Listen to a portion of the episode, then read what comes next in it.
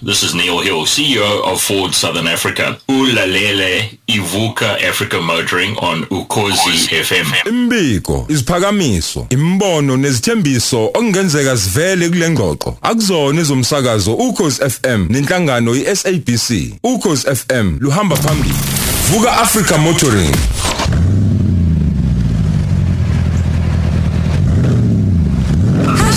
Ukhozi FM VABS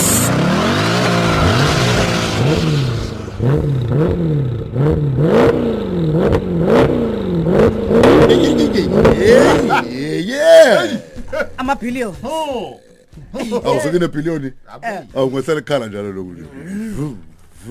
Ngavuka ekuseni ngavuka ekuseni mangiqeda ukuyireva ngithi uh, bros ufuna ipoint headshooter Yeah.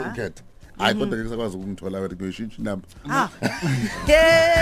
Ngayishintsha sipho ngakuthengela yakho umrozo ngithengela yakho Eh, babheka bese nginifonela ngo1 ngithi vukani madoda ngo1 njalo? Ngifuna sonke sirev imoto. Yeah otherwise awuyithola imali yep. Njalo nje. Sivukeke nathi sireve si abantu siyahamba Se- se- sekurivile baba sekurivile bese ngithi vuka ujabule futhi ungathi eh record. record ungisendele iproof. Hayi angirecord live eh eh. Banika oh, live uyaphi record? Uyaphi record? Live baningi abangeke bewile ngoba inhliziyo zinje. Bese ngicaba ukuthi ngawarekhoda enyanga yonke ngithe ngimsendele manje ufuna ulive eh ufuna ukuyibona msalofu uyabona mina ngake nginibuke nje sigameza uma ungangibingelelanga usenkingeni. Wena usenkingeni kufanele nibingelele mina ninya ngoba imina onemali. Eko yakho nje kowineka late kodwa kanjani usibo bafasi kubingelela kasi lomukele kukhosi? Ngibingelela usipho ngibingelela umroza ngibingelela babheka nonjinji. Bese ngibingelela ngokukhethekile eh, a- a- ama amamiliyoni amaningi Yeah. abalaleli bokhozi FM abahle kakhulu. Sithi sibe nomyeni nevuka Africa Motoring isingenile.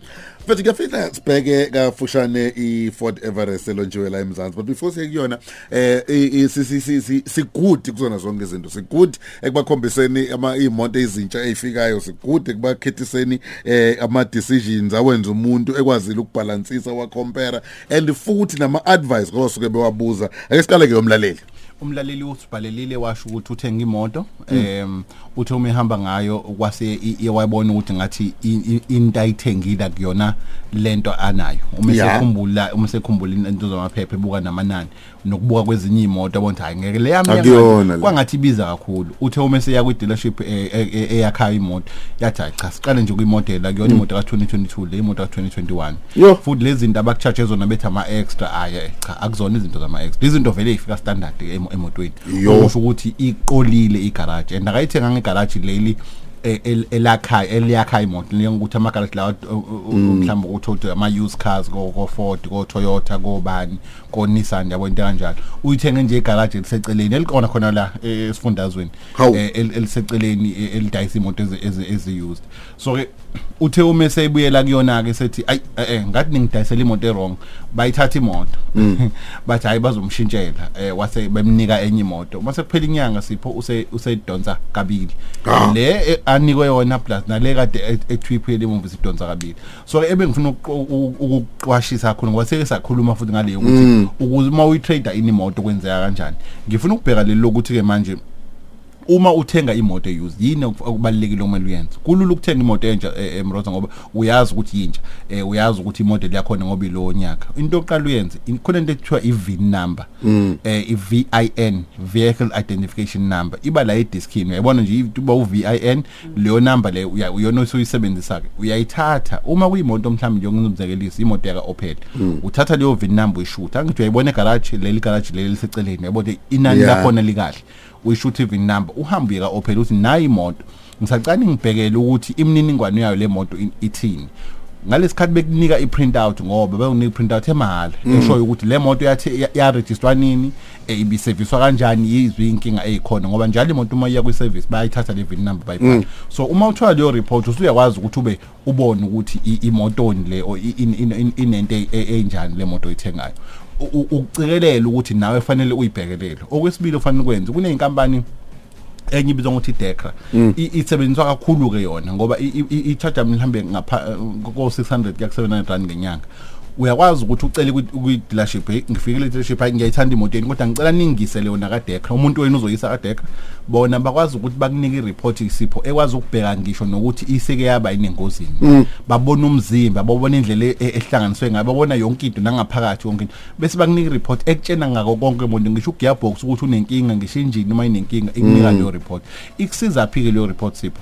Uyazi ukuthi uthengana uthenga ingulube sesakini iyakutshena yonke into ngemoto bese uyazi ukuthi hayi cha imoto yami imoto le ngoba i-used isesimeni esikahle so ngingakwazi ngikhokhela imali.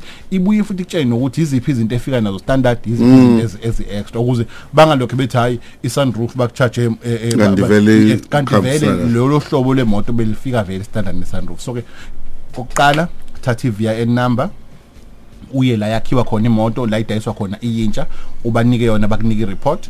Uma usibona ukuthi kahle i-report bese uya- uyacela kuleyo garage lelo cela bakuyisele endaweni la bekwazi ukuthi bayihlole imoto eh, ngenza ngenza umzekeliso njengodekla bayihlole imoto bakunike i-report ebheka nokuthi ingozi i- i- in- injani emotweni.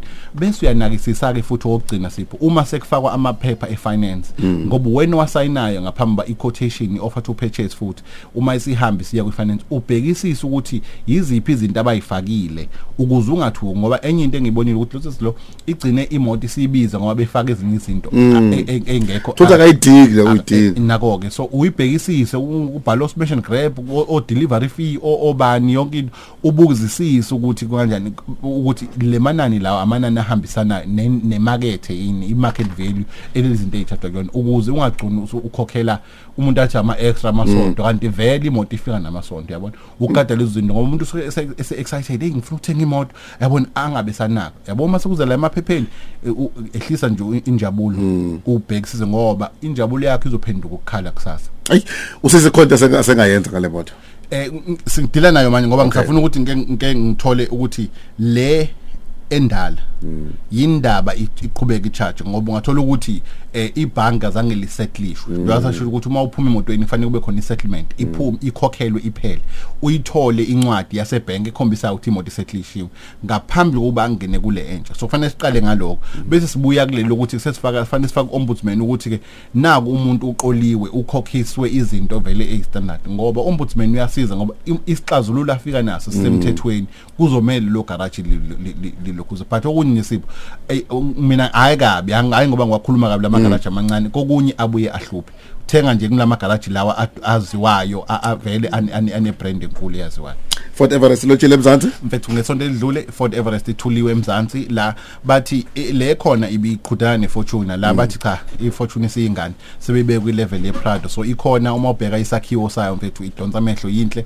Eh 21 inch eh, i- i- i- i platinum i sport i 20 inch so i 7 seater ne leather ma heated seats. Ifika ne engine ezimbili eh, i 3 liter V6 eh oqala ukuthi bakhiphe le engine manje e turbo diesel. Bese bakhona ne 2 liter bi turbo eh zonke zi zema automatic futhi zidonsa ngamasondo mane. Eh i- i- i- i- i- inobuchwepheshe obuningi o- o- efika nabo engicabanga ukuthi abantu abafuna imoto eyi eyi SUV ehamba phezulu eyi 7 seater bazogculiseka. Isifikile emzansi uyakwazi ukuthi uyibheka amanani aqala ku 960000 egcina ku 1.1 million. Uma ubheka imoto eqhudelana nazo zi- zingaphezulu ngezinga ungathi ey 1.1 million for Everest. Kanti ihamba kahle. Kodwa ke isikhona isithuliwe emzansi. Okay sithola kanjani bafo? Mfethu i-whatsapp number yethu 063 561 3844 063 561 3844 uma uya kwimoto online ku-facebook uyakwazi ukubona konke esikhuluma ngako eh, twitter imoto underscore online instagram imoto media bese uyakwazi ukuthi uhlaye nathi-ke naku-whatsapp njengoba bengisho umuntu athenga imoto e-right ube seyinto